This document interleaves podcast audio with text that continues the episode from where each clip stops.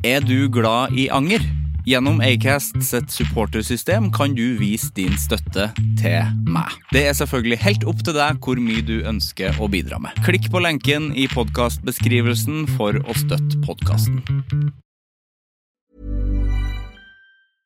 I'm Sandra, and I'm just the professional your small business was looking for. But you didn't hire me because you didn't use LinkedIn jobs. LinkedIn has professionals you can't find anywhere else, including those who aren't actively looking for a new job but might be open to the perfect role, like me.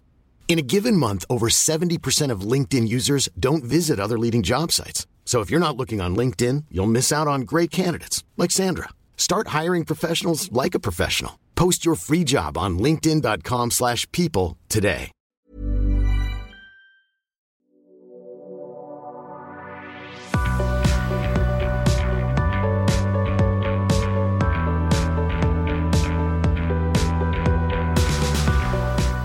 Noe jeg lurer på, som jeg har tenkt på en stund, er innekatt. Eh, jeg er veldig glad i katter, eh, og jeg er veldig glad i hunder. Eh, jeg er ikke noe sånn at jeg er en katteperson eller hundeperson. Jeg liker begge de dyrene. Men om jeg liksom skulle ha fått meg dyr sjøl nå, så er katt øverst. Fordi de er så jævlig uavhengig. Og veldig De bestemmer, dem, om de vil ha kos fra meg. Og det syns jeg er ryddig. Eh, og de vil ha mat, og de vil ha vann. Og så, hvis du får deg innekatt, så trenger ikke den å være ute i det hele tatt. den. Og det er det jeg har tenkt på i det siste. Fordi ei innekatt Se for deg ei katt eh, som er inne. Og så ser den ut eh, og har aldri vært ute før. Hva slags oppfatning har den katta av ute? Ser det bare ut som et, eh, et bilde for den? Eller eh, ser det ut som en slags TV? Eh, som og hvor ting skjer på TV-en. Ting beveger seg, at det er noen trær som beveger seg i vind, eller noe flagg, f.eks. Eller noen folk som går der. Oppfatter den katta at det er folk som går der, eller er det bare et, en TV for den katten? Um, det er jo helt umulig å få svar på det, men jeg skulle virkelig ønske at noen kunne forska på det. Og hvordan man skal forske på det, det aner ikke jeg, for jeg er ikke forsker. Men jeg lurer på om katt, ei innekatt veit at, at ute fins. Ja, det lurer jeg på. Sivert Mo heter jeg. Velkommen til Anger.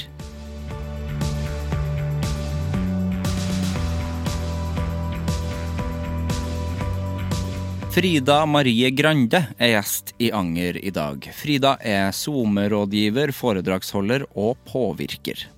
Gjennom Instagram-kontoen Frida tegner treffer hun mange med sine tegninger og politiske budskap. Frida tenker at det ikke er noe vits i å angre på ting, og at frykta for å angre hindrer deg i mange opplevelser og erfaringer. Vi snakker bl.a. om å bli utbrent av drømmejobben, og hvor vanskelig det var å sette ord på hvordan hun hadde det for første gang. Om å lære seg å være tålmodig for å ikke gå på veggen igjen. Hvor skummelt, men spennende det var å starte eget firma. Og plutselig gå fra å være veldig engasjert til å bli uengasjert og flat. Hvor komplisert det kan være å lykkes med sosiale medier at hobbyen hennes da hun var sykemeldt, skulle bli karrieren hennes. At selve tegningene ikke er det viktigste i innleggene hennes, men budskapet. Og ha veldig dårlig hukommelse og bli fortalt historier som om det er helt ny informasjon.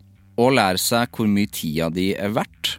Skammen rundt å gjøre fine ting når man er syk, som må bort en gang for all, og en god del om telt, indisk mat og chèvre. Nå starter vi.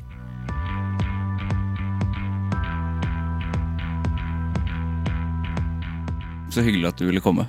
Ja, jeg har lyst til å være her. Vi har prøvd å få det til en stund. ja. Hvor lenge, tror du? I hvert fall et halvt år, tror jeg. Det må det være. Ja. ja. Det har liksom nesten gått noen ganger. Mm. Også, men nå Nå er vi her. Nå er vi her. Hvordan går det med deg? Det går ganske bra, egentlig. Mm. Ja. Bra? Men fortsatt i moduset som er sånn at jeg lurer på hva som venter rundt neste sving. Ja. Så jeg er ikke helt trygg, men eh, det går bra. Ja. Hva, hvorfor er du ikke helt trygg? Nei, jeg har vært i en sånn evig runddans med utbrenthet og sykemeldinger i over to år nå. Eh, og det har ikke vært konstant, altså. Det var vel nesten et helt år at jeg jobba. Men så falt jeg utpå igjen, og jeg tror nok det hang sammen med den første utbrentheten, da. Mm. Fordi man tenker liksom at det har gått over veldig mye lenger før enn det egentlig er helt ferdig. Så Ja. eh, det tror jeg de fleste som opplever utbrenthet, erfarer. Ja, jeg kjenner meg jo veldig enig i det. Mm. Og man har jo lyst til at du har lyst, du har så veldig lyst til at det skal være ferdig. Ja. Og så ja, så rusher man det litt, kanskje. Mm. Og så får man dårlig samvittighet og føler at man burde komme tilbake på jobb. Mm. Så um, nå er jo målet å bare aldri havne tilbake der igjen. Mm. Og det må jeg bare tro på, og så får vi se hvordan det går, da. Hva, hvordan kan du beskrive det, den første utbrentheten? Eh, det kom som en kjempeoverraskelse. Mm. Smalt det rett i trynet på meg eh, mens jeg jobba i Amnesty og hadde vært der i tre år cirka. Ja. Og det var drømmejobben min. Jeg hadde egentlig tenkt at jeg skulle være der resten av livet. For det kom ikke på noe annet sted jeg hadde lyst til å jobbe. Hva gjorde du i Amnesty? Jeg var ansvarlig for sosiale medier, Ja. så jeg lagde innhold ja, til kanalene til Amnesty og snakka med folk i kommentarfeltet og på meldinger. og Mm. Syntes det var kjempegøy, og det var vel egentlig litt av problemet. da, At eh, jobben ble altoppslukende. Det var det jeg holdt på med hele tiden. Det var nesten som en hobby, liksom. Mm. Um, jobby? ja, jobby. Mm. Så ja, på et tidspunkt så bare gikk det ikke lenger. Og da brøt jeg sammen i et møte, faktisk. Ja. Med to veldig gode kollegaer, da, så det gikk fint. Men det var en ekkel følelse å miste kontrollen og ikke klare å holde maska. Var det første gang? Ja. Uh, men det var nok da på bakgrunn av lenge før jobben i Amnesty også, egentlig. Jeg tror egentlig helt siden jeg begynte å studere, at det har vært litt vel høy speed. Så det måtte liksom skje på et tidspunkt. Ja. Men venta du på det litt, eller tenkte du at eh, nei, det her, det her går bra? Nei, jeg var nok litt naiv. Mm. Vennene mine har jo sagt at de så det komme, men eh, jeg nekta å, å tro på det. Også typisk. Ja. Mm. Og så ser man jo at mange andre får til masse, og så tror man at de er liksom Ja, egentlig så tror man jo ikke at de er supermennesker. Man tror at det er det vanlige folk skal få til. Mm. Veldig, veldig mye i løpet av veldig kort tid. Og så innser man etter hvert at det faktisk ikke er mulig, da. Nei. Hva måtte du gjøre da? Nei, For det første så måtte jeg dra til legen og snakke om psykisk helse for første gang. Ja. Det var utrolig ekkelt.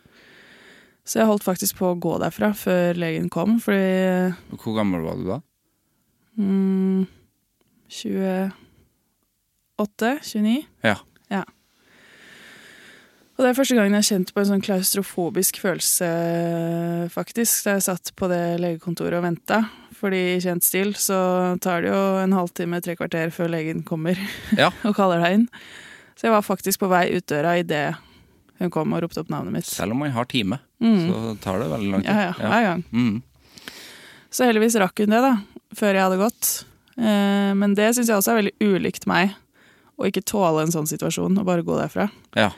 Eh, men det syns jeg var så ekkelt. Og da jeg kom inn der også, syns jeg det var utrolig vanskelig å sette ord på hva som var greia. Mm. Fordi ellers så kan du liksom peke på kneet ditt eller whatever fysisk som er feil. Mm. Eh, men når det handler om huet, så føles det ut så utrolig sånn skambelagt, da. ja. Men eh, jeg fikk nå en sykemelding, og så varte den 100% i to uker. Og så begynte jeg rett på 50% og det var en jævlig dårlig idé. Ja. Da gikk jeg rett i bakken igjen. Eh, og så begynte vi gradvis Jeg tror jeg begynte på 20% Ja, ikke sant. og så holdt jeg det ganske lenge. Så jeg bare var med på morgenmøter, rett og slett, bare for å være med på Eller ha noen rutiner, da. Mm. Og så bygde vi det gradvis opp. Men eh, ja, så bytta jeg jobb, lang historie. Men så ble jeg sykemeldt igjen i høst. Og der var jeg 100% sykemeldt i to-tre måneder, vel. Mm. Og jeg er fortsatt delvis sykemeldt, 30 Mm. Så det tar tid. Det tar tid. Men nå har jeg også tatt det mye mer på alvor, da, fordi jeg har sett hvilke feil jeg gjorde sist. Mm. Um, så nå prøver jeg å tenke langsiktig og ikke være utålmodig, og heller bare ta det på alvor at hvis det ikke skal skje igjen, så må jeg være tålmodig nå, liksom. Ja. Men de to første ukene der, da, klarte du liksom å øh, koble av, eller finne ut hva det, hva det var? Ja, jeg tror jeg klarte å koble av. Eller jeg syns det var ubehagelig, da. Men eh, det var helt åpenbart hva som var grunnen, liksom. Jeg jobba altfor mye, både i Amnesty og ting jeg gjorde på si. Jeg holdt foredrag og kurs og sånt. Mm. Så totalen var bare altfor, altfor mye. Ja. Mm. Men eh, da det gikk eh, Da du begynte i 50 igjen, var det liksom Kjente du at ja, det må jeg, eller at nå er jeg klar for det? Jeg tror det bare var det legen foreslo. Ja. Eh, Og så tenkte jeg ja, det er vel det som er riktig, da. Mm. Og så kjente jeg umiddelbart at det ikke gikk. Fordi det som skjedde den dagen jeg gikk rett i veggen, var jo at jeg for første gang i mitt liv, tror jeg, kjente på at jeg ikke brydde meg om noe som helst. Jeg var helt flat. Ja. Eh, og jeg pleier å være helt omvendt, at jeg engasjerer meg i alt mulig rart, Mm. liksom. Og det at jeg plutselig ikke brydde meg i det hele tatt, det, det var skikkelig ek- ekkelt. Og den følelsen hang jo i fortsatt etter to uker. Det tok lang tid før, før det endra seg. Ja. ja, for man Mm. kjenner deg jo som uh, engasjert og Ja. øh, i det meste på, på internett, liksom. Mm. Eh, så alt det forsvant, liksom. Ja. Mm. Og så er det selvfølgelig Altså, jeg jobba jo i Amnesty, og du Du blir veldig engasjert, men du blir jo også motløs, fordi du får jo alle de harde faktaene rett i trynet hver dag på jobb. Ja. Um, så det er jo vanskelig å bevare håpet om at det skal bli bedre. Men hvis man er frisk, så klarer man jo å bruke den negative informasjonen som motivasjon til å jobbe og få flere til å bry seg om det, og til å skape endring. Ja. Mens når du ikke er frisk, så føles det jo bare som et svart hull, liksom. ja, Og for helt umulig. virker bare håpløst. Mm. Ja. Men nå, nå jobber du Hva jobber du med nå? Nå har jeg starta mitt eget firma, faktisk. Mm. Så eh, nå jobber jeg med Jeg har jo en nettbutikk Mm. hvor jeg selger eh, klær og plakater med tegninger jeg har lagd. Og så har jeg jo en Instagram-konto som har fått en viss størrelse, så jeg har også litt sånn samarbeid der. Og så er jeg konsulent for bedrifter og organisasjoner på kommunikasjon og sosiale medier. Ja. Men det er helt ferskt, så jeg prøver fortsatt liksom å finne ut av ting. eh, ja, og hva det er jeg aller helst vil drive med å bruke mest tid på, da. Men der er det jo ikke nødvendigvis samsvar mellom hva jeg syns er det morsomste, og hva jeg tjener nok penger til å leve på. Liksom. Nei. Så er det å finne den balansegangen der, da. Men er det skummelt å plutselig være på egne bein, liksom? Ja, det er kjempeskummelt, Ja. men det er også utrolig deilig å ikke ha noen over seg og ta avgjørelser selv. Mm. Um, så eh, jeg er veldig glad for at jeg gjorde det, men jeg har jo dager hvor jeg lurer på hva faen det er jeg driver med, og hva Ja, hvordan dette skal gå, liksom. Mm. Men jeg føler meg ganske trygg på at hvis det skulle gå til helvete, så får jeg meg jo en annen jobb. Så Ja. sånn sett så er det jo ikke så stor risiko. Nei, ikke sant. Jeg håper jo at det går bra, da. Ja, jeg Ja. håper det. Ja. For akkurat nå så klarer jeg liksom ikke å se for meg noen jobb jeg har så veldig lyst på. Fordi jeg merker det som konsulent også, at det folk sliter med når det gjelder kommunikasjon og sosiale medier, det går igjen overalt, uansett hvilken bransje. Så jeg vet jo hva som møter meg hvis jeg skal begynne å jobbe et sted in-house Ja. med disse tingene. Hva er det folk sliter med der, da? Nei, where to start? Nei, hovedsakelig så handler det om at man ikke klarer å løfte blikket nok til Mm. at du skal kommunisere på en måte som faktisk er interessant for mange mennesker. Man blir veldig opphengt i sin greie, og da Ja. kommuniserer man også på en veldig sånn snever måte som bare er interessant for noen få, og da kan du ikke forvente at mange tusen mennesker skal engasjere seg i det, liksom. Nei, ikke sant. Men det er jo ofte da en slags konflikt mellom de som kan kommunikasjon og jobber med det, og de som kan andre fagfelt, men som må samarbeide med kommunikasjonsrådgiveren for å lage innhold, da. Mm. Eh, er du fagspesialist på et eller annet felt, så blir du jo veldig opptatt av at ting skal bli sagt på en viss måte for at det skal være korrekt, osv. Men da blir det fort for kjedelig for liksom mannen i gata. Ja. Så eh, det er en sånn evigvarende balansegang. Og så er det også mange som sliter med at de fokuserer for mye på salg, eller hva enn de ønsker at folk skal eh, melde seg på eller kjøpe fra dem. da. At det blir for selgende, liksom. Ja. Så det går igjen stort sett overalt. er det, er det interessant å hjelpe, hjelpe til med? Ja, jeg syns jo det er gøy, og det er jo derfor jeg har øh, jobba med det i ganske mange år. Men det er nok litt av grunnen til at jeg ble utbrent også, er at det er en slitasje der ved å ha vært i de samme diskusjonene en million ganger. Ja. og nå hjelper jeg jo også eh, andre med det samme, og jeg syns jo det er veldig gøy når ting liksom løsner litt, men så vet jeg også at bildet er så utrolig komplekst, da, at det hjelper ikke egentlig om de som jobber med sosiale medier og kommunikasjon er dritgode på det, fordi de er helt avhengige av at resten av organisasjonen har respekt for deres fagfelt og lar dem gjøre jobben sin. ja, ikke sant. Og der kommer ofte problemet inn, da. Ja. Så um, det er liksom ikke bare å lage en sosial mediestrategi, og så kommer det til å gå bra. Det er litt mer tricky enn som så. Ja.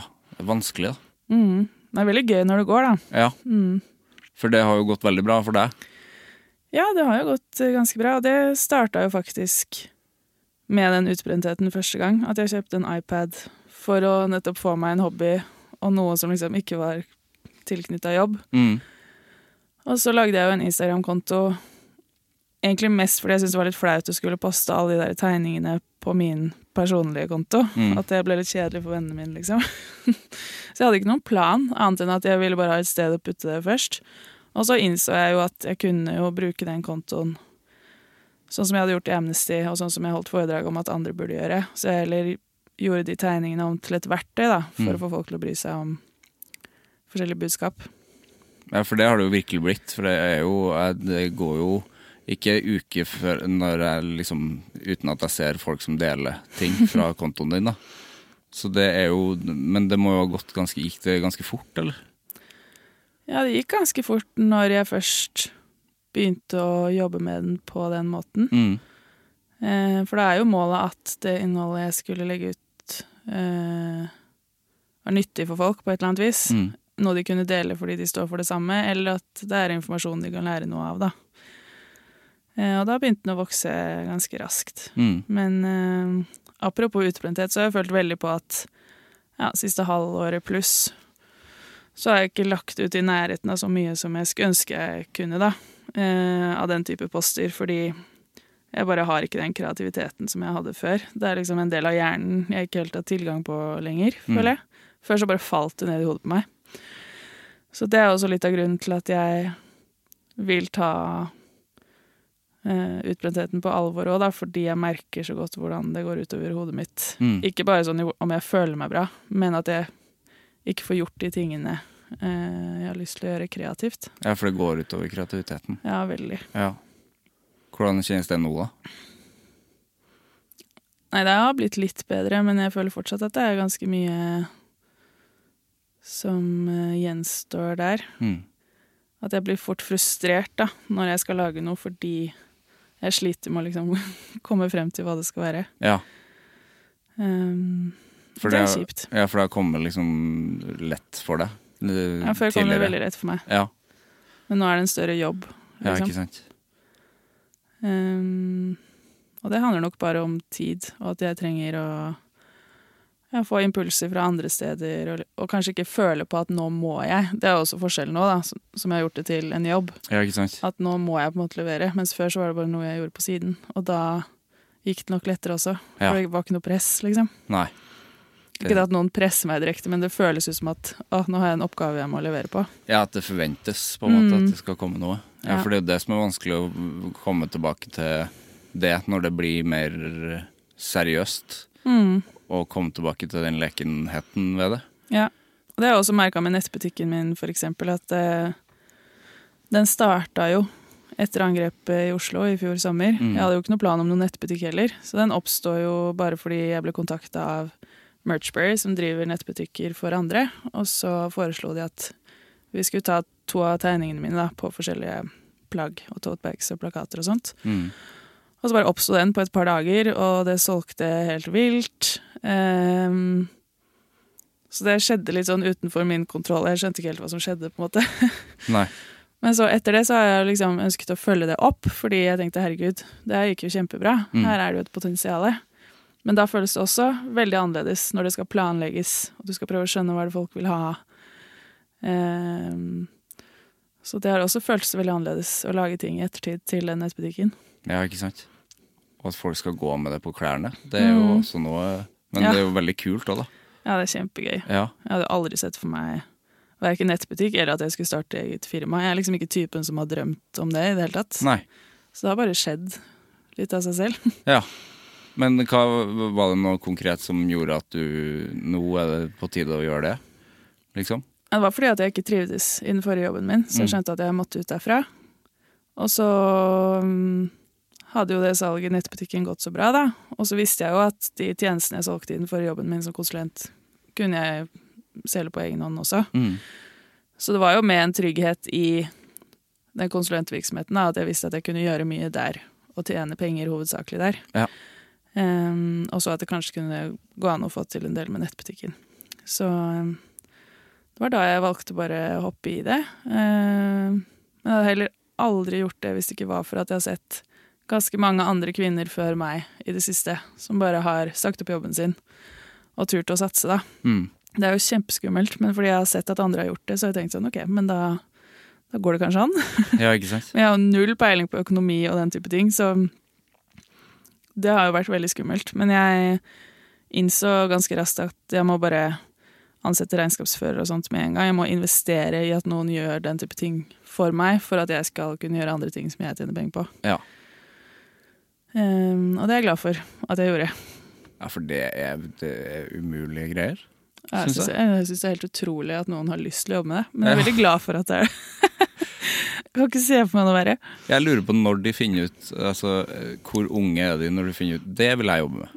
Altså, Det forstår jeg ikke. Nei, Er det noen barn liksom som har lyst til å bli regnskapsfører?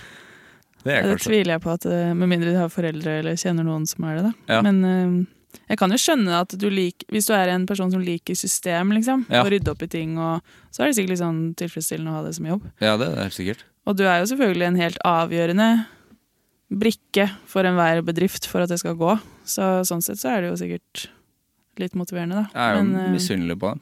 ja. At, de, at de kan det. jeg er så glad jeg slipper det selv. Ja. Men det er jo en veldig kontrast til at du ikke klarte å sette ord på hvordan du har det, til hvordan det er nå. For nå er du jo veldig åpen Mm. om hvordan du har det. Eh, ofte, føler jeg, eh, med utbrenthet. Og hvordan, hvordan skjedde det, liksom? At du kom dit?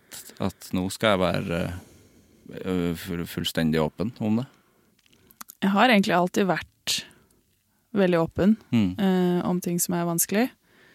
Eh, så det faller veldig naturlig for meg. Mm. Og egentlig så er det et godt verktøy for meg, fordi jeg syns det hjelper å si det høyt, enn eh, enn å skulle prøve å skjule det, liksom, for det hadde jeg ikke fått til uansett. Eh, og så merker jeg jo at det er veldig mange som setter pris på det, og som trenger å høre at andre også syns at ting er vanskelig. Mm. Eh, og det er jo en motivasjon i seg selv, at jeg kan eh, hjelpe noen andre. Mm. Ehm, men det er liksom noen som syns jeg er tøff, på en måte, som deler, men det føles ikke sånn for meg i det hele tatt, fordi det er liksom en egoistisk grunn bak det også. Altså det hjelper for min syke å bare si det høyt. Ja. Eh, fordi da er ikke skammen like stor, da, for da har jeg liksom drept den, ja, ikke sant. føles det ut som. Men kan det være tappende også? Noen ganger? Ja, noen ganger. Men hovedsakelig så syns jeg det gir. Mm. Eh, hvis det er tappende, så handler det hovedsakelig om hva jeg tror andre nære meg eventuelt tenker. Men utover det, så for meg, og, og uten liksom alle de faktorene, så syns jeg det bare er fint. Mm. Det, har du fått noen negative reaksjoner på det? liksom? Nei. Men sånn som da jeg ble sykemeldt sist, så sto jeg jo i en jobb eh, hvor det er liksom ikke bare bare å snakke om hva som var feil der, på en måte. Eh, så det var jo ubehagelig, men samtidig så syns jeg det var helt riktig, fordi Eller jo vanskeligere det er å snakke om, jo viktigere er det jo egentlig å snakke om det. da. Ja, det da vil jeg gjerne være den personen, siden jeg syns det føles ok. Mm. Men Man, man får jo ofte den Jeg kjenner meg jo igjen i å ha vært åpen om hvordan jeg har det. Eh, det er jo veldig ofte sånn at du får høre at du er tøff. Jeg har heller aldri kjent meg sånn Det er ikke det jeg tenker at jeg er. Nei. At jeg er tøff. Men det er, fordi, det er sikkert fordi at det er fortsatt ganske Selv om flere og flere gjør det, så er det jo fortsatt ganske nytt Mm. å være åpen om det. Ja, det er jo tabu. Mm. Det er jo utrolig at det fortsatt skal være sånn, tenker jeg. Men fordi det er jo så vanlig, og det er jo helt absurd hvordan så mange mennesker går rundt og tenker at de er så alene om problemene sine. Mm. Og så går de rundt blant mennesker som tenker akkurat samme om seg selv. Ja, du sånn- ser jo det er jo bare flere og flere. Liksom. Ja. Ja. Men husker du hva du klarte, om du klarte å sette ord på noe da du ble sykemeldt første gang? Um, Nei, det var vel først og fremst det at jeg følte meg så tom, da. Mm. Så var det liksom det. At det bare ikke var noe der, på en måte. Ehm, og det var veldig ekkelt. Altså, det var jo det at jeg kjente jo ikke igjen meg sjøl i det hele tatt. Og det er en veldig rar følelse. Mm. Jeg har jo ikke skjønt hva folk mener egentlig når de har sagt det før. Men jeg har heller ikke skjønt på en måte psykisk helse før jeg begynte å slite litt selv. Jeg husker så godt at jeg prøvde virkelig hardt å sette meg inn i det da jeg var yngre. Mm. Men helt ærlig så klarte jeg ikke å komme til noen annen, konklusjon enn sånn herregud, skjerp deg, Ja, det får du til. jeg kjenner meg igjen. Fordi jeg hadde ingen forutsetninger for å forstå det, liksom. Nei. Men når du har opplevd det selv, så forstår du jo. Mm. Men jeg tror det å sette seg inn i det uten å ha vært der på egen hånd, det er ekstremt vanskelig. Det er vanskelig, og derfor er det jo øh, desto viktigere at man snakker om det, Mm. tenker jo jeg. Men jeg, jeg kunne jo kjenne at det var tappende, fordi det føltes ut som et eh, Det føltes ut som et så jævla stort ansvar. Mm. Kan du kjenne på det? Når man først har starta med det, liksom. Da er det liksom vanskelig å Å være åpen. Nei, det er vanskelig å, å ikke føle at nå må jeg være åpen om alt. Ja, sånn, ja. Mm, ja, jo, for så vidt. Jeg har kanskje følt på det noen ganger at jeg ikke er ekte, på en måte, hvis jeg ikke deler alt. Men så må man jo veie liksom eh, Den forpliktelsesfølelsen du har overfor publikummet ditt, Mm. versus de grunnene du kanskje har til å ikke si det, da, som involverer andre mennesker, for eksempel. For Ja. min del, hvis det er noe jeg holder tilbake, så handler det om at da går jeg over grensene til noen som er nær meg, og det vil jeg ikke. Og det veier jo tyngre Ja, det er sant. enn fremmede som føler meg, på en måte. Jeg har så dårlig hukommelse også, så lyttere kan komme bort til meg og si sånn der Det var utrolig fint at du snakka om det og det. Jeg Ja. husker ikke jeg at jeg har snakka om det. Så Nei, det sant? er jo gøy at folk Jeg føler folk har mer oversikt over meg enn meg sjøl. Ja, jeg har også kjempedårlig hukommelse. Det er Ja. helt vilt. Har du alltid hatt? Eh, jeg tror lenge, i hvert fall. Mm. Jeg skjønner ikke hva det kommer av. Jeg vet jo at man kan få dårligere hukommelse av utbrenthet, men eh, det var et problem lenge før den utbrentheten. Så Ja. Hvor dårlig er din hukommelse? Hvor altså, husker du barneskolen?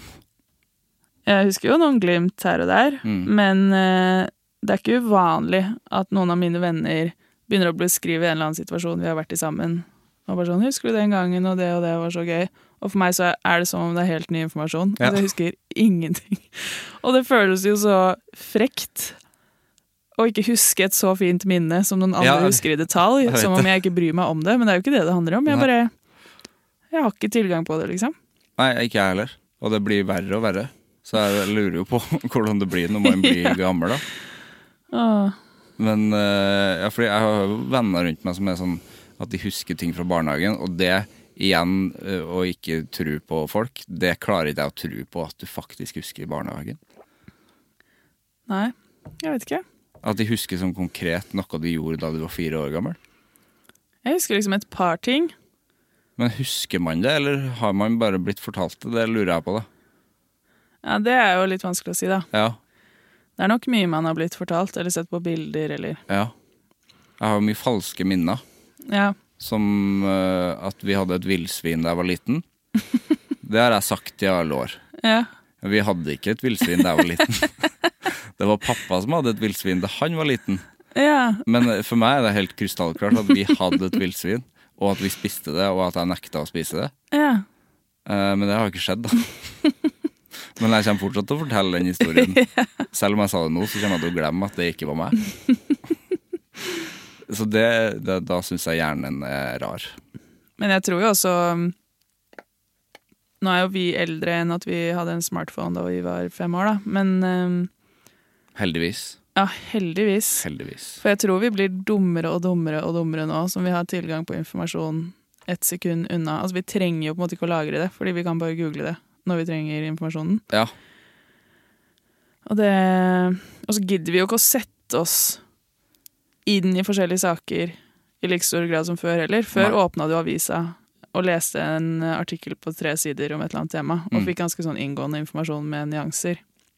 Og nå får vi den samme informasjonen på TikTok i løpet av ett minutt, liksom, Mm. og tror at vi er belest på den tematikken. ja. At vi er opplyste mennesker, ja. Ja. Jeg tror det eneste, Den siste saken jeg satte meg veldig godt inn i, var da jeg var liten og Orderud-saken skjedde. Ja. Da gikk jeg i første klasse. Det husker jeg, da. Da Mm. husker jeg at det var, øh, var helt sjukt øh, spennende. At det var en sånn ekte krimsak. Mm. Så da leste jeg jo alt da jeg var liten om den. Så hvis folk lurer på noe om Orderud, det er bare å spørre. Men, men siden da så har jeg jo ikke Jeg setter meg jo ikke inn i ting Nei. på, i like stor grad. Har du noen ting som du uh, setter altså sett, Jeg føler jo du uh, setter deg mer inn i ting via liksom jobb og sånn. Ja, noen ting, men jeg føler jeg har veldig dårlig sånn allmennkunnskap, eksempel. Det er noe jeg skammer meg skikkelig over. Ja. For eksempel hvis man, eh, ja, hvis man er med på quiz eller et eller annet, så blir jeg helt sånn Det er så lite jeg kan svare på. Jeg er har så ikke dårlig. peiling. Jeg er så dårlig på quiz. Um, så jeg syns jeg er skikkelig flaut. Men hvis jeg først, sånn som jeg holder på på Instagram, da, hvis jeg skal lage en post om noe, så setter jeg meg jo veldig inn i det. Mm. Og henter informasjon fra forskjellige kilder jeg stoler på. Men det betyr ikke at jeg husker det en uke etterpå og kan gjengi det innholdet. Men Nei. jeg stoler på at det jeg formidla der og da, er riktig informasjon. Ja. Så den prosessen med å liksom finne fram til riktig informasjon, den, den har jeg innabords. Men eh, at det holder seg oppi huet mitt, det er ikke noe jeg stoler på. Det er rart, altså. Vi er jo ikke, vi er jo ikke gamle folk heller, men vi høres ut som vi er gamle folk når vi sitter og snakker her nå. Ja, Nei, det, det er merkelig. Men jeg føler jeg, ja, Det er kanskje en Kanskje folk får bare mer og mer dårlig hukommelse av den verden man lever i nå, da. Fordi informasjonen er så Ja, jeg tror det. Ja. Men eh, apropos, jeg kan ikke Jeg vet ikke om jeg har lest en eh, artikkel hvor man har forska på det, liksom. Jeg bare ser for meg at det må være konsekvensen. Mm. Det må man jo forske på. Og så tror jeg også, eller jeg har følt veldig på selv Apropos utbrenthet. Jeg har nok vært litt sånn Jeg vil gjøre ting så bra som overhodet mulig. Jeg hater å gjøre ting halvveis. Ja. Eh, og nå, med jo mer informasjon og jo flere valg vi har, da, så blir det jo vanskeligere og vanskeligere å bare ta det jævla valget og bestemme seg for et eller annet. Mm. Og det er også noe du kan bli ekstremt sliten av. Hvis du skal veie ti alternativer opp mot hverandre til enhver tid. Så det har jeg utfordra meg selv mye på, å bare være sånn OK, hvis jeg skal kjøpe liksom, I don't know, en tursekk, Mm.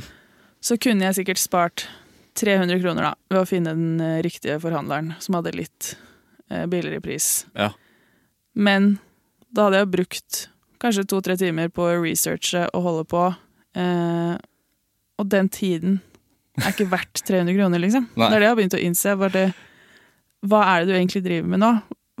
Hvordan tror du at du sparer penger på å liksom Det sant. sitte så lenge og vurdere fram og tilbake? Man er så livredd for å ta feil valg også, som om det er så ekstremt viktig på en ting du skal kjøpe. Det er jo ikke det. Det viktigste er jo bare å få ting gjort og liksom frigjøre hodet fra stress. Det er viktig å tenke, da. Hvor mye tid hadde det vært? Mm. Ja. Var det tursekk? Tok du det opp for ingenting, eller har du kjøpt en tursekk nettopp? Nei, jeg har ikke det.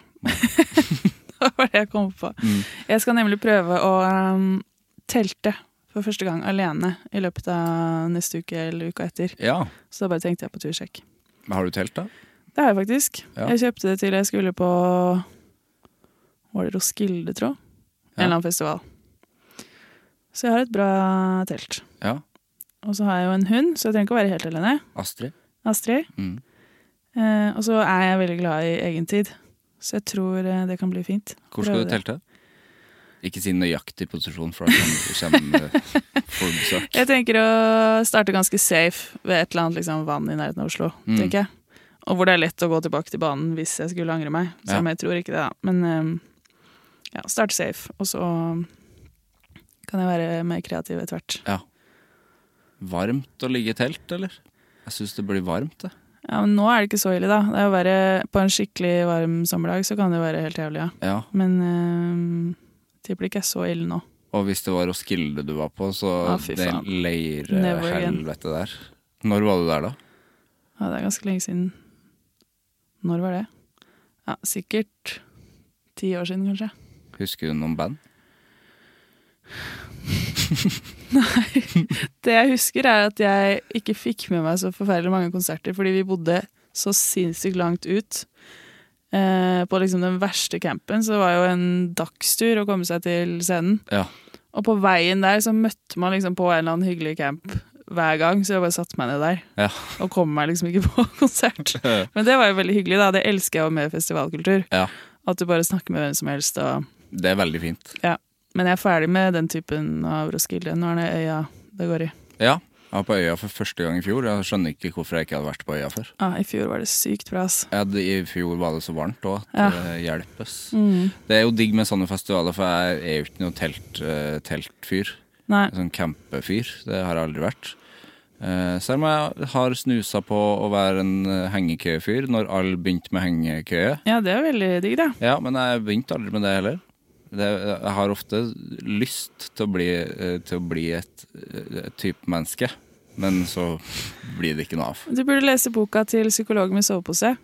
Ja, For hun skriver faktisk om akkurat det der, at hun også hadde sine begrensninger, fordi hun var ikke en sånn type person, og hun Ja. hadde ikke riktig utstyret. Og apropos den vegringa for å kjøpe riktige ting og sånn. Mm. Det er bare sånn, kom deg ut. Altså, lån et telt første gangen. bare gjør det. Hvem som helst kan gjøre det. Du trenger ikke å være en fjellklatrer for Nei. å få til det, liksom. Nei, for det tenker jeg at det må være. At, det må, at det må bli så drastisk at Ja, jeg nei, må nei. bli dritgod. Og i et psykisk helseperspektiv så er det jo veldig bra for oss da, å komme oss ut i naturen Absolutt. og bare sitte litt i stillhet, liksom. Mm. Jeg er jo vokst opp i skogen, og da jeg var liten så fantes jo ikke noe snev av eh, psykisk uhelse i Nei. hodet mitt, så vidt jeg kan huske. Eh, så det har jo garantert noe med saken å gjøre. Mm. Ja. Hvor har du vokst opp? Jeg er født i Oslo, Mm. oppvokst på Ås i Akershus, eller Viken da. Mm. Og så flyttet jeg til Lillehammer da jeg begynte i fjerde klasse, så jeg føler meg egentlig litt som lillehamring. Ja, Mm. ikke sant. Ås ved Vestby, ish. Ja. Vestby i Ski. Jeg gikk på folkehøyskole i Vestby. Ja, ja. Mm.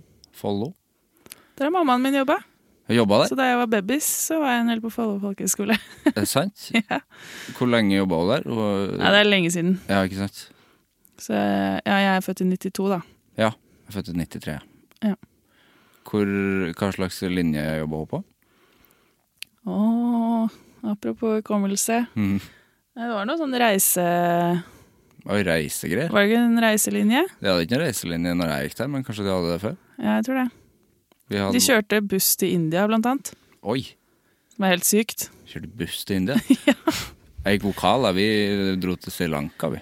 Ja, Ja. Sri Lanka er fantastisk, ja. Ja, det var det. Men det var også uh, trist, for at vi sang på barnehjem og sånn. Ja.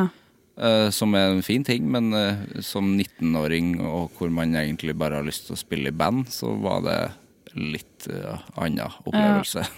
Når bandlinja, som jeg egentlig ville gå på, de dro til New York og, dro, og så på konserter og sånn. Jeg var litt misunnelig, men jeg er jo takknemlig for at vi dro dit, Ja. egentlig. New York kan man jo dra til. Ja, ja. Jeg kan dra til Sri Lanka òg, men det er jo mindre sjanse for at jeg gjør det. ja. Er du en reiser? Mm.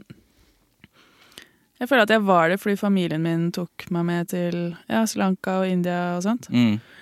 Men jeg har ikke reist så voldsomt mye på egen hånd. Jeg hadde tenkt til det etter videregående, men så mm, Eller etter folkehøyskolen. Mm. Men så fikk jeg en lærlingplass i et fotostudio. Ja. Så endte jeg opp der i stedet. Og så slutta jeg der, og så begynte jeg på bachelor, og så ble det liksom aldri noe. Hva studerte du egentlig? PR og kommunikasjon. Ja. Så den interessen, når kom den interessen i livet ditt, egentlig? Ja, ganske tidlig. Mm. Jeg har vært opptatt av foto siden jeg var ganske liten. Mm. Og så så jeg vel for meg egentlig at jeg skulle bli journalist en stund. Jeg har jobba litt som journalist òg. Mm. men det var foto jeg var mest opptatt av en periode, i hvert fall. Eh, men da jeg var i det fotostudioet og var lærling, så syns jeg i hvert fall at den typen fotografi, hvor du tar sånn familiebilder og babybilder, var helt sinnssykt kjedelig. Ja. Så da slutta jeg med det. Men det har jo vært en stor fordel å ha med seg det inn i kommunikasjonsfaget, da, for det er jo typisk den type ting man trenger også Mm. når man er kommunikasjonsrådgiver. Mm. Så jeg har brukt en del, men nå har jeg lagt det helt fra meg, faktisk. Ja. Etter hvert så ble det liksom Sånn at jeg ikke tok med meg det gigantiske kameraet rundt. Det veide jo dritmye, og ja, ikke sant? ble liksom aldri til at jeg brukte det. Selv om det tok fantastiske bilder, da. Men tegning, begynte du med det nylig, eller altså, har du gjort det siden du var liten? Nei, eller jeg har nok sikkert tegna litt. Jeg har hatt lyst til å være flink til å tegne, Mm. men jeg har aldri vært det. Uh, Og jeg er på en måte ikke det nå heller, og det er det jeg føler er så dumt med at jeg valgte det navnet jeg valgte på Instagram. Frida Tegner? Frida tegner, fordi poenget med kontoen er jo egentlig ikke tegningene. Det er jo budskapene som tegningene knyttes til. Mm. Uh, og jeg begynte jo å tegne på iPad ja, da jeg ble sykemeldt, fordi jeg så at andre på Instagram gjorde det. Mm. Og så tenkte jeg det var en fin aktivitet. Men da tar jeg jo utgangspunkt i et bilde. Eh, og tegner ut fra det, liksom. Mm. Sånn at hvis du gir meg et ark og en blyant, Ja. så klarer ikke jeg å tegne deg noe bra. Åh, så dumt. Sånn- Det var neste punkt på Men det er sånn jeg kan få skikkelig angst over at folk tror at jeg er en illustratør. For det er, det er ikke det jeg er. Nei, ikke sant? Min kompetanse er jo først og fremst å kommunisere i sosiale medier. Mm. Eh, mens folk som er gode på å tegne, har kanskje en konto hvor de først og fremst legger ut tegninger. Og så er det bare det man ser, og ikke noe mer. liksom. Ja, ja. Men det er ikke det jeg holder på med. Men du har jo veldig egen stil, da. Man ser jo med en gang Ja, eh, så jeg har liksom er din funnet min måte å gjøre det på. Ja. Um, og den er jo veldig simpel, også fordi jeg kan ikke mer enn det. Nei, Så det er litt sånn den stilen ble til også. ja. Jeg syns det er fine tegninger. Men jeg har, jeg har liksom vurdert om jeg skal lære meg å tegne mer realistisk, eksempel. Men jeg liker egentlig den streken jeg har endt opp på. Ja, Så jeg har ikke noe behov for å gjøre det noe mer fancy. det syns jeg ikke du skal. Nei. Trenger ikke det. Vi må bare si til lytterne at det var 17. mai i går. Mm. Ja, vi er på, vi er på jobb, vi. Tenkte du på det da du foreslo 18. mai? Ja, Jeg tenkte så vidt på det. Um, jeg tenkte det var fint å ha noe å gjøre dagen etter, og så lenge det var litt utpå dagen, så Mm. burde det gå greit. Jeg er veldig glad for det. Eh, og så tror jeg også Ikke at jeg tenkte så mye på det i går, da hadde jeg kanskje glemt litt, men jeg tenkte at det kanskje kunne bremse meg en smule, da, for jeg har en tendens til å gå veldig overboard på 17. mai. Men, Men det går riktig greit. Du sa du dro hjem eh, klokka seks, du. Ja. Jo, jo, men noen ganger så har jeg passa klokka tre, liksom, fordi Ja, ja. jeg har fått i meg altfor mye. Mm. Så, men i går så kunne jeg gå hjem på en verdig måte klokka seks. ja. Det er jeg veldig fornøyd med. Det er fint en alder av 31 år har jeg funnet ut av hvordan jeg skal oppføre meg på 17. mai. Ja, men det tar så lang tid. ja. Jeg klarte ikke det i går. Ble altfor full. Ja. Mm. Spydde på en takterrasse. Kjør. Ja, ikke sant. Ja. Det, var, det, det er så flaut, det. Ja, det er Jeg har hatt mye fylleangst i mitt liv. Ja. Masse. Det, Det er så fælt, det. ja, og så er det jo bare litt sånn eh, Apropos anger, som vi skal snakke om snart. Eh, det, det er vanskelig å lære av det, syns jeg. Veldig vanskelig. Mm. Ja, jeg, jeg lærer ikke. Eller nå har jeg kanskje lært lite grann, da. Ja. Men uh, det varer i en periode, og så har jeg glemt det igjen, og så går jeg på samme smellen. Ja, for vi har, jo, dårlig, vi har jo dårlig hukommelse i tillegg, så da glemmer man det jo. Tenker sånn, ja det går sikkert bra denne gangen.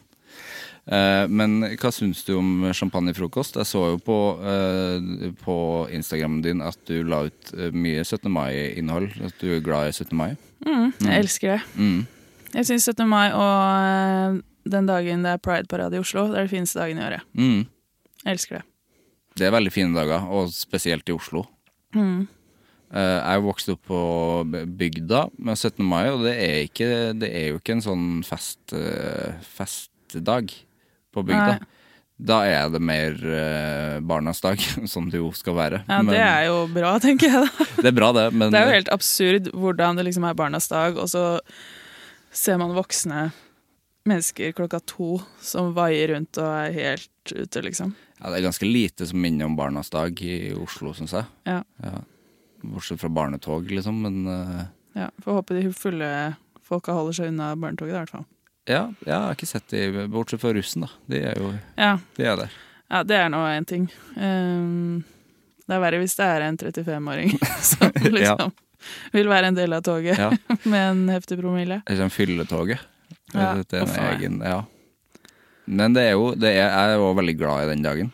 Fordi, men jeg syns champagnefrokost er en spesiell, det er en spesiell ting. Ja, det, det er jo Fordi- det, utvilsomt. Fordi man starter å drikke så utrolig tidlig. Mm. Ja.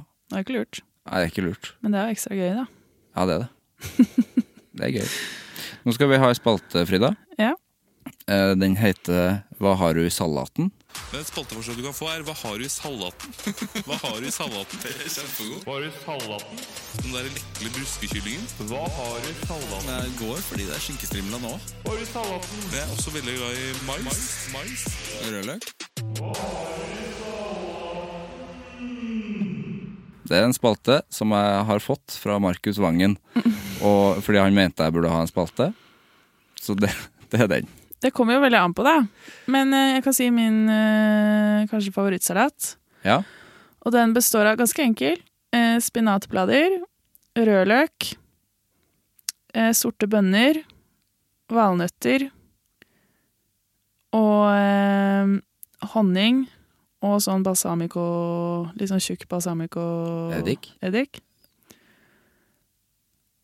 Og chèvreost. Å, jeg venta på den osten der. Det er sykt godt. Ja, Det hørtes ut som en veldig god kombo. Mm. Ja. Alle salater med chèvre er egentlig helt nydelig. ja. Hva er din favorittrett?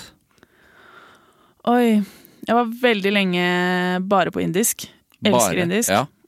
Men jeg har utvida repertoaret lite grann. Jeg har blitt veldig glad i ramen. Ramen Elsker Elsker å gå på koieramen. Ja. Um, Har du prøvd å lage det sjøl? Samboeren min er veldig god på det, faktisk. Ja. Lage kraft og sånn? Mm. Ja, for det er jo en helvetes jobb. Ja, det er det. Ja. Så jeg har ikke gjort det sjøl. Jeg har bare fått det servert. Men det er sykt godt. Ja. Uh, ja, men jeg spiser egentlig det meste. Ja. Eneste, nesten, jeg ikke liker, er sånn derre Hva heter sånn veldig dyr sjø... De grå som man slipper i seg. Østers. Østers. Ja. Jeg synes det er som å svelge en klump med saltvann. Ja, det er jo det det er, ikke? Ja. Jeg har aldri, Aldri smakt det, fordi at eh, jeg så pappa spise det en gang da jeg var liten, og da, det syns jeg ikke var noe fint eh, syn. Men det har- skal liksom være så high end. Jeg skjønner ikke greia. Ja, for det er veldig sånn classy òg. Men Mm. så har man liksom bare sitron og tabasco, så det er liksom det er, Jeg syns ikke det er så classy. Nei, jeg skjønner ikke greia. Reker derimot, dritgodt. Kjempegodt. Mm. Reker. Vi eh, Jeg spiller i et band, og vi ga ut en plate nettopp som heter Scampi Rock. Ja. Jeg er ikke noe glad i Scampi, men jeg er glad i reker, så vi har masse reketema.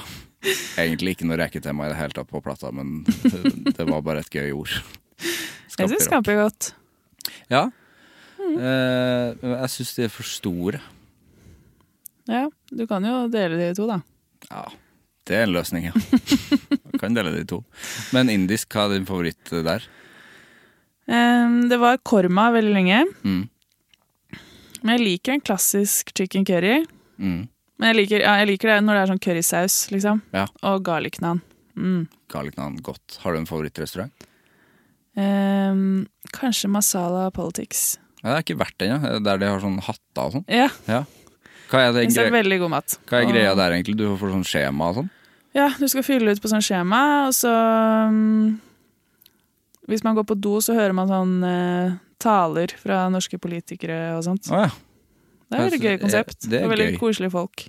ja, for det er jo den New Delhi-gjengen, vet jeg, Ja, som, mm. som har begynt å ta over hele, Ja. hele byen. De har så mange restauranter, de. Mm. Fin gjeng. Det som er kjipt med indisk, er at det er så utrolig dyrt. Det er altfor dyrt.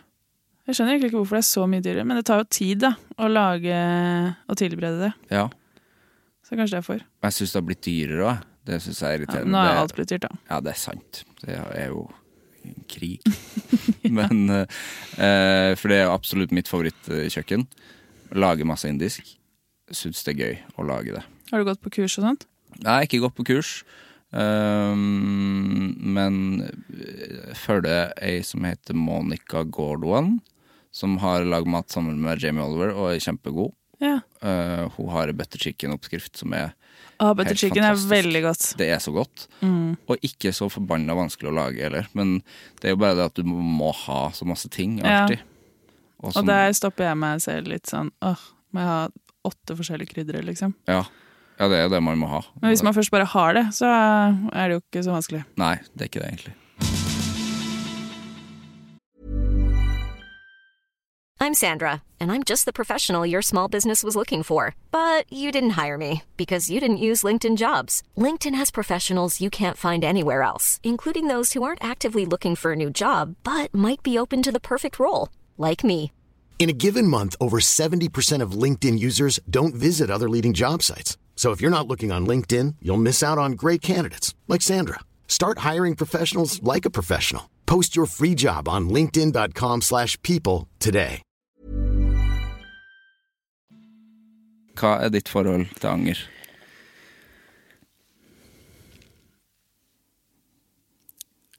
Jeg tenker egentlig at det ikke er noe vits å angre på ting, eh, for det har jo skjedd. Og jeg føler at man lærer jo spesielt mye av ting som gikk litt gærent. Mm. Så jeg prøver å ikke angre, men eh, sånn kortsiktig så kan jeg angre ganske mye. Og så, når det går noen dager, så innser jeg at eh, det er liksom ikke verdens største eh, problem, og det kommer til å gå over. Mm. Men eh, jeg har angra mye, ja. Og så tar jeg meg selv i at det ikke er noe poeng. Hva slags ting kan du angre på? At det kan være små ting fra Alt fra liksom Hvordan jeg har ordlagt meg, Mm. eller oppført meg overfor en person. Jeg kan drive mye med sånn analysering eh, ned på minste detalj. Um, og kanskje tenke over ting jeg burde ha sagt, da. At jeg angrer på at jeg ikke sa mer. Mm. Eller gjorde mer for noen. Um, så ja, jeg har egentlig en sånn konstant prosess gående i hodet som er ganske slitsomt. Mm. Hvor jeg vurderer hva jeg burde og ikke burde gjort. Jeg kjenner meg jo igjen i alt. Eh, og det tror jeg jo er et sånn tegn på, på folk som kan bli utbrent, kanskje. Ja. Altså når hjernen uh, er i høygir Mm. hele tida. Føler du at uh, din er det? Ja, 100 Mm. Og så vet jeg jo rasjonelt sett at det ikke fører til noe annet enn at jeg begrenser meg selv Mm. og gjør ting vanskelig for meg selv. Det er utrolig vanskelig å bryte ut av det. Så jeg har ikke noe løsning der. Men jeg har i hvert fall kommet til et veldig mye bedre sted når det gjelder de periodene jeg har som er skikkelig dårlig psykisk. At jeg har fått litt mer grep om hva det er, Mm. og at det går over. Og at det ikke er noe vits i å sitte og tenke at nå er jeg blitt klin gæren, liksom. Fordi jeg vet at om en dag eller to, eller kanskje noen timer, så kommer jeg ikke til å føle det sånn lenger. Nei. Men det har jeg jo trengt å erfare mange ganger for å være trygg på at det er det som er tilfellet. Mm. Um, og det hjelper meg. Også med tanke på, ja, apropos anger, at man kanskje sier ting og gjør ting som ikke er helt deg selv. Mm. Um, det kan man jo angre på, men det føles litt mer sånn greit når det er noe du faktisk ikke har helt kontroll over. At Mm. det er en Det er jo en kjemisk ubalanse i hjernen, egentlig, er det ikke det? Jo. Og det har hjulpet meg med å liksom roe litt ned. Og ikke la være å ta ansvar for hva jeg sier og gjør, men at jeg i hvert fall kan forklare det med det, og at uh, det gjør det litt enklere. Mm. Ja, for kjemisk ubalanse i hjernen, det, liksom, det gjør det jo litt uh, enklere å forstå at det er en ubalanse. Mm. Men det som er dritt, er at det skjer jo igjen, da. At det skjer Ja. igjen og igjen. Selv om uh, jeg òg prøver å tenke sånn Det her går over, det har alltid gått over. Men så begynner jeg å tenke sånn oh, men, men skal det komme igjen? Det skal jo komme igjen. Da blir jeg sliten. Man blir jo det. Ja. Har du gått til psykolog, eller? Ja. Mm. Det har jeg bestemt meg for at det skal jeg bare gjøre resten av livet, egentlig. Men eh, ikke like ofte nå. Sist gang jeg hadde time, faktisk, så avlyste jeg den fordi jeg, jeg følte oppriktig at jeg ikke trengte den. Ja. Um, men jeg har vært veldig tydelig til psykologen min om at hun skal ikke fjerne meg fra den lista. Nei. det vil jeg ikke risikere. Mm. Så um, nå er det helt sånn at jeg sier ifra hvis jeg har behov for det. da. Og det er jo etter at jeg har gått der fast eh, lenge og erfart at noen av timene så var det egentlig ikke så mye å ta opp, liksom. Så nå føler jeg at jeg også jeg skjønner selv sånn cirka når jeg trenger det, og når det ikke er behov for det. Mm. Og så har jeg også nå begynt med parterapi en gang iblant, Ja. og der føler jeg egentlig at mye blir behandla, da. Så da trenger jeg ikke den individuelle terapien like mye. Nei. Aldri vært i parterapi. Hvordan, hvordan virker det, syns du? Det er skikkelig fint. Ja, det er det. Jeg tenker alle burde gå i det, Mm. hvis man har en partner, da. Mm. Ja, du kan ikke komme alene. Nei, jeg tenker det er noe alle hadde hatt godt av. Mm. Fordi ja, det at to mennesker skal kommunisere seg imellom, er en veldig kompleks øvelse, egentlig. Absolutt. Når man først tenker på det. Og det er så mange misforståelser som oppstår fordi vi ikke sitter i hverandres hode. Mm. Og så er det egentlig ingen som har ment noe vondt, men så har det bare blitt oppfatta på en viss måte, fordi man har sine erfaringer og ting å lese forskjellige utsagn og Mm. eh, handlinger ut ifra. Så det er jo litt som å gå til en eh, oversetter, som Ja. bare gjør det mye enklere å forstå hverandre. En tolk. Mm. Mm. Så jeg syns det har vært en skikkelig fin erfaring, og det er veldig gøy, fordi hver gang vi går ut derfra, så venter jeg litt på at samboeren min liksom skal reagere på et eller annet jeg har sagt, eller liksom ta meg på noe. Mm. Så ser jeg på han og liksom Ja, skal du ikke si noe? Og så er det aldri noe, fordi vi har jo eh, gått gjennom det vi trenger å gå gjennom i det terapirommet. Da. Så det, er, det er bare skikkelig fint. Altså, det høres, ut, det høres ut som en veldig fin følelse etterpå, da. Ja, og jeg tror det er så lurt å gjøre det før det er kritisk. Ja. Fordi det det er kritisk, å skulle starte da, er jo ganske tungt, liksom. Men hvis du har gått der en stund, kjenner terapeuten, så er det nok litt lettere å komme inn der når det faktisk er noe som er skikkelig ille. Mm. Eh, Så er man litt trygg på situasjonen, liksom. Det er det jeg føler mange tror om parterapi, at det er sånn 'Å, herregud, går det bra', eller? Det Ja. er sånn, fordi det høres jo så skummelt ut. Det Mm. høres ut som det er krise. Det er akkurat det samme med vanlig terapi. Nå Ja. begynner det å bli litt mer eh, vanlig at folk gjør det, i hvert fall. Men Mm. det har jo vært det samme at sånn Oi, er du så gæren at du trenger å gå til psykolog, liksom? Mm. Jeg, husker jeg turte ikke å si det første gangen jeg var hos psykolog. Da var jeg vel 18 også, da, så jeg var jo ung. Mm. Men det var jo ingen som har gått i Da gikk jeg på skole i Namsos i Trøndelag, og ingen som har gått hos psykolog der. Nei. Eh, Det er bare min påstand at ingen i Namsos har gått til psykolog. Men eh, eh, Så det var jo helt eh, jeg sto fram med det. Det var jo noe at man faktisk sto fram og gå hos psykolog. Det var jo en svær uh, sak om det i P3, liksom, for det var ingen andre gutter som hadde Ja, snakka om det. Så da ble jo jeg, ble jo jeg den, da. Mm. Som jeg angrer på i dag. At, jeg, at det skulle bli, være så svært. Og du angrer på det? Ja, for det gjorde det jo så mye verre enn det var for min del. Okay. Fordi jeg var så ung. Ja. ja, det var jo tidlig, da. Ja, og fikk eh, Plutselig satt man og svarte på veldig mange meldinger fra fremmede Mm. som trengte hjelp fra meg. Ja. Det var litt mye. ja. Og det er vanskelig. Det syns jo jeg selv nå, og jeg er jo veldig mye eldre Mm. enn 18. Mm. Det å liksom skulle face andres utfordringer. Mm. som det liksom ikke fins verdens enkleste løsning på fordi du må liksom gå privat hvis du skal få psykologtimer. Du må faktisk det. Eh, du må bruke penger på det, og kanskje du ikke har penger. Da har jeg ikke så mange gode forslag, på en måte. Um, Det er, liksom, det er jo skammelig hvor dyrt det er, da. Det er jo Ja. helt vilt.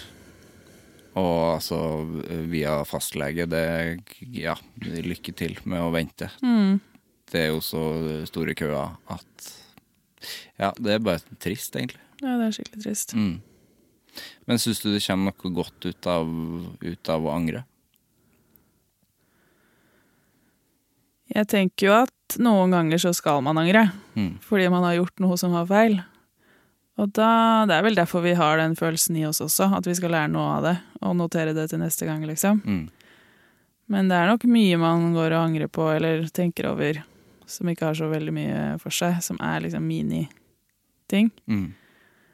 Ehm, og det som slår meg når jeg blir veldig opphengt i liksom, en eller annen situasjon jeg har vært i, er jo at det er jo en ekstremt selvsentrert tanke at det du sa og gjorde, har så enormt stor påvirkning på andre mennesker. Det var sånn, Mm.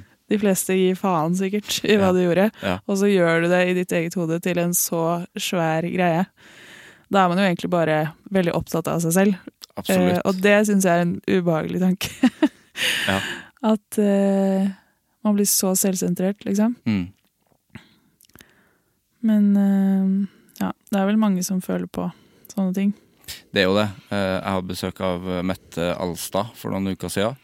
Hun, det var egentlig en ganske gøy og ny tanke om anger. At det er ganske egoistisk å angre. Fordi hvis det innebærer andre mennesker, så kan det hende at de, da frarøver du dem en gøy opplevelse. Hvis de har en annen versjon av det som skjedde. Ja, Som jeg syns var en litt sånn for å komme ut av eget hode-tankegang, som jeg likte litt. ja, For det, ja, det, er jo, det er jo veldig selvsentrert å angre. ja. Sånn eh, Hvem tror du at du er, liksom? Mm. Men så er det så vanskelig å skru det av eh, også. Det er liksom ingen av-knapp på anger. Mm. Men det er også Jeg føler det er jo mye vi, mange valg vi tar på bakgrunn av at vi også er redd for å angre. Ja. At vi ikke engang vet om det er det som kommer til å bli tilfellet. Og det føler jeg at jeg har klart å justere litt for min egen del i det siste. Sånn som da jeg sa opp jobben min i Amnesty, Mm. Så var jeg livredd for å angre, fordi jeg tenker egentlig fortsatt at det er drømmejobben min, og at Ja. det er der jeg hører hjemme. Men samtidig så visste jeg at nå måtte jeg bryte ut fordi jeg hadde blitt så sliten og liksom Mm. gitt alt jeg hadde, da. Men da fortalte jeg meg selv at liksom, hvis det skulle ende der, så er det jo ikke umulig for meg å komme tilbake og få en ny jobb, liksom. Og det er jo en beroligende tanke å bare vite at hvis du skulle angre på hva enn det er, så er det ikke sånn at ting ikke er irreversibelt, liksom. Nei. Um, og da tør man også hoppe på flere muligheter, da. Mm. Akkurat samme som å starte eget firma. Jeg var jo redd for å angre på det også, at jeg skulle drite meg ut på en måte og ikke få det til. Mm. Men so, apropos, det er ingen andre som bryr seg nevneverdig om jeg lykkes med firmaet mitt Nei. eller ikke, liksom. Nei. Det handler jo bare om meg selv. Men det er jo skummelt, da. Det er kjempeskummelt. Mm. Så da, jeg kan skjønne at man Men så er det så veldig bra at, det, at du ikke lot eh, frykt for anger stoppe det, da. Ja. For det virker jo som det var riktig. Hvis man lar den frykten styre for mye, så ender man jo opp med å ikke gjøre de tingene man har mest lyst til. Mm. Og da er det jo vanskelig å være lykkelig, liksom. Absolutt. Jeg kan, det er masse jeg har ikke gjort, som jeg hadde muligheten til å gjøre. Mm. Det er jo kjedelig, så da angrer jeg jo på det. Ja. Da, det ender jo opp i anger uansett, da, egentlig. ja. Om jeg hadde gjort det eller ikke. Eller det vet jeg jo ikke, det kan godt hende at jeg ikke hadde angra på det, men det endte jo opp i anger. Mm. Ja. Ja. Og her har jeg sittet i fem år og snakka om det. ja. uh, Og tar til meg ny anger når jeg snakker med folk, så det, det går greit. Men det er vel Det er vel verre å angre på noe man ikke gjorde, enn noe man gjorde. Med mindre man gjorde noe helt for jævlig, da. Ja, Og det er jo sjelden det det er snakk om. ja. Ja, jeg syns også det. Sånn som for eksempel da jeg valgte å bli fotograflærling, Mm. Eh, og fikk lærlingtid på jeg tror det var over tre år, for jeg hadde ikke gått mediekommunikasjon på videregående. Mm. Og så skjønte jeg etter noen måneder at det var jo ikke her jeg skulle være i det hele tatt. Eh, så kunne jeg på en måte angra på at jeg hadde brukt tiden min på å være der når jeg kunne ha gjort noe annet. Ja. Men jeg er egentlig veldig glad for at jeg har utforska alle de innfallene jeg har fått, da, og de tankene jeg har fått om hva jeg har lyst til å gjøre, fordi da slipper jeg å ha det i bakhodet som en sånn 'Å, kanskje det var det jeg egentlig skulle gjort'. Men så har jeg heller erfart at nei, det var ikke det. Mm. Gå videre.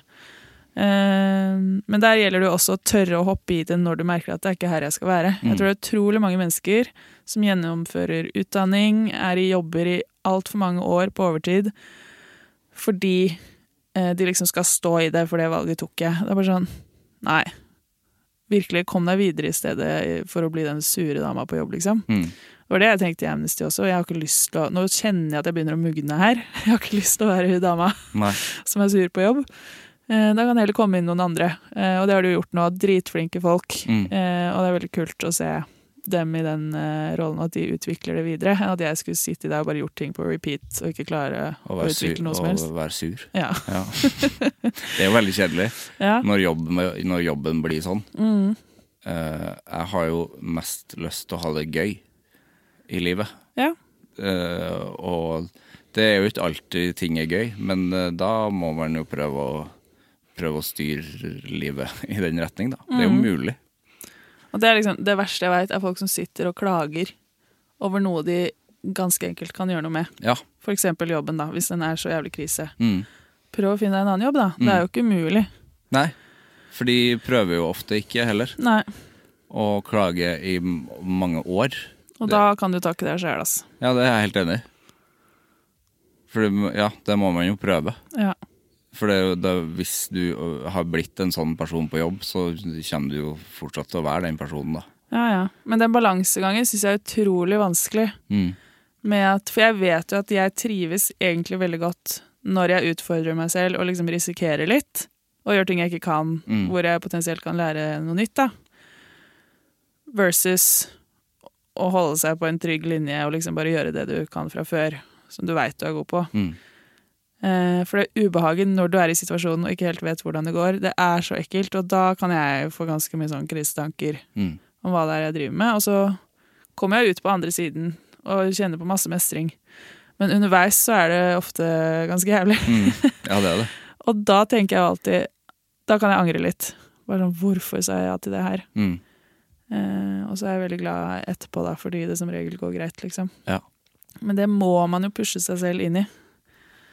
Um, men det er, eh, det er skummelt. Det er skummelt. Eh, Anger har jo en eh, litt slitsom lillesøster, som jeg kaller, kaller henne. Og det heter Skam. Mhm. Hva er forholdet ditt til det? Ah, Skamma meg masse. Ja. Mhm. Sterkere forhold til skam enn anger? Ja, kanskje. Mm. Mm, det har jeg nok. Eh, I hvert fall i forbindelse med sykemelding og sånn, så har jeg skamma meg enormt mye. Ja. Um, Fordi du har vært sykemeldt, så har du skamma, ja, skamma at, da, at jeg ikke fikk det til, og liksom sånn som da jeg jobba i Amnesty, Mm. så ble det jo da økt trykk på de andre på teamet mitt. Ja. Som er en helt forferdelig følelse. Um, også hele den greia med at når du er sykemeldt, så bør du jo gjøre ting som er fint for deg selv. Det er litt av det jeg snakka om på Instagram også, som folk trenger å høre. At du bør gå ut på tur og ta deg en kaffe på kafé og liksom gjøre fine ting, men da er du livredd for å møte på noen fra jobben Mm. som skal tenke seg nå, ja, her sitter du og er syk i gåstegn, liksom. ja, ikke sant. Og smile, kanskje. Som bare er en kjempemisoppfatning. mm. Eh, men der kommer jo skammen i full fart. Um, og så vet jeg ikke om Jeg vil kalle det skam, kanskje, men det jeg syns er vanskelig nå, for eksempel, er at med nettbutikken min så lager jeg jo klær som fronter forskjellige politiske budskap. Kvinnehelse, pride osv. Og, Mm. og det starta jo med en kolleksjon hvor all omsetning, eller all, alt overskudd, gikk til Oslo Pride. Ja. Um, men da hadde jeg jo en annen jobb, og det var et enkelttilfelle. Um, men jeg føler jo fortsatt at jeg burde gi veldig mye penger videre til forskjellige organisasjoner som Ja. jobber med de temaene jeg snakker om. Men hvis jeg gir alt videre, så kan jeg ikke holde på med det, for da har jeg ikke noe å leve av. Nei. Så det føler jeg masse på, eh, den greia der. Eh, fordi jeg har så lyst da, til å gi det videre, men jeg er ikke en rik person, liksom, så det er ikke noe jeg kan gjøre med den største selvfølge. Nei, du må jo tjene penger på, på jobben din, du Ja. også. Ja. Så, for da er det liksom, det er jo enten eller. Enten så tar jeg også litt betalt for det, eller så kan jeg ikke gjøre det. Nei. Eh, men det er sånn jeg grubler masse på. Um, og skammer meg over å tjene penger på det. på en Mm. måte. Mm. Ja, det skjønner jeg. Men jeg tjente jo penger da jeg jobba i Redd Barna og Amnesty også. Altså Folk tjener jo Får jo en lønn for jobben de gjør. Hæ, får de lønn der? Ja. Så det er jo Det blir jo det samme, da, egentlig. Ja, Ja. litt det samme. Ja. Men um, jeg har gått på et kurs uh, som Ida Jackson har, som heter Feminist og kapitalist. Ja. Hvor hun utfordrer det der, da, for det er veldig vanlig at kvinner tenker at de er helt for jævlig idet de begynner å tjene litt penger Mhm. i eget firma. Det er bare en sånn tankegang som sitter så utrolig sterkt. Mm. Så jeg prøver å ha hun på skuldra da, og liksom høre på eh, at hun utfordrer meg litt. Mm. For det er veldig nødvendig. Ja, du må jo tjene penger. Man må det. Ja. Og det er, skam, det er jo ikke noe skam i det. Nei. Men eh, jeg husker også veldig godt eh, da jeg var sjukmeldt første gang, den der skammen over å ikke gjøre eller gjøre noe i det Mm. hele tatt. Jeg følte at å ja, nå må jeg bare sitte inne, da. Ja. Som absolutt ikke bedrer situasjonen. Nei, det gjør det bare verre. Bare verre. Mm. Men eh, ja, det der hvis man plutselig blir sett ute og er, kanskje man er blid, Mm. og da tenker jo folk Da tenker jeg at folk tenker at nå går det jo bra med han, Ja. hvorfor, hvorfor er han ikke på jobb? Mm. Ja. Så det må man bare snakke mye mer om. Så Mm. tror jeg liksom veldig mange forstår det, Mm. med at den umiddelbare tanken kanskje er noe annet. da. Ja. Det er akkurat det. Og det handler jo om den innsikten igjen. Hvis du ikke har vært der sjøl, så er det veldig vanskelig å forstå hvordan det henger sammen. liksom. Mm. Det er sant. Jeg tror vi nærmer oss eh, slutten her, Frida. Mm. Det var skikkelig hyggelig å prate med deg. Ja, takk det samme. Jeg har et siste spørsmål. Ja. Hvem syns du jeg skal snakke med i Anger? Åh. Nå har ikke jeg full oversikt over alle du har snakka med, da. Ikke jeg heller. um, har du snakka med Kristina Frås? Nei, det har jeg ikke. Det er en veldig kul dame. Mm. Hun burde snakke med. Hun bør jeg snakke med. Mm. Godt tips. Jeg skal sende henne en melding. Gjør det. Tusen takk for praten. Takk for at jeg fikk komme.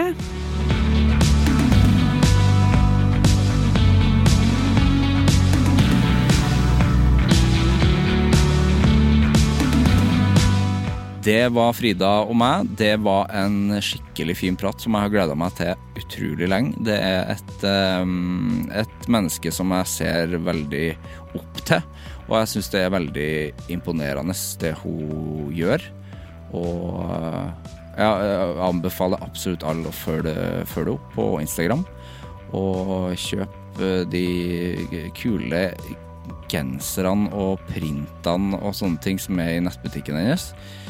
Eh, er dødsfin eh, prat.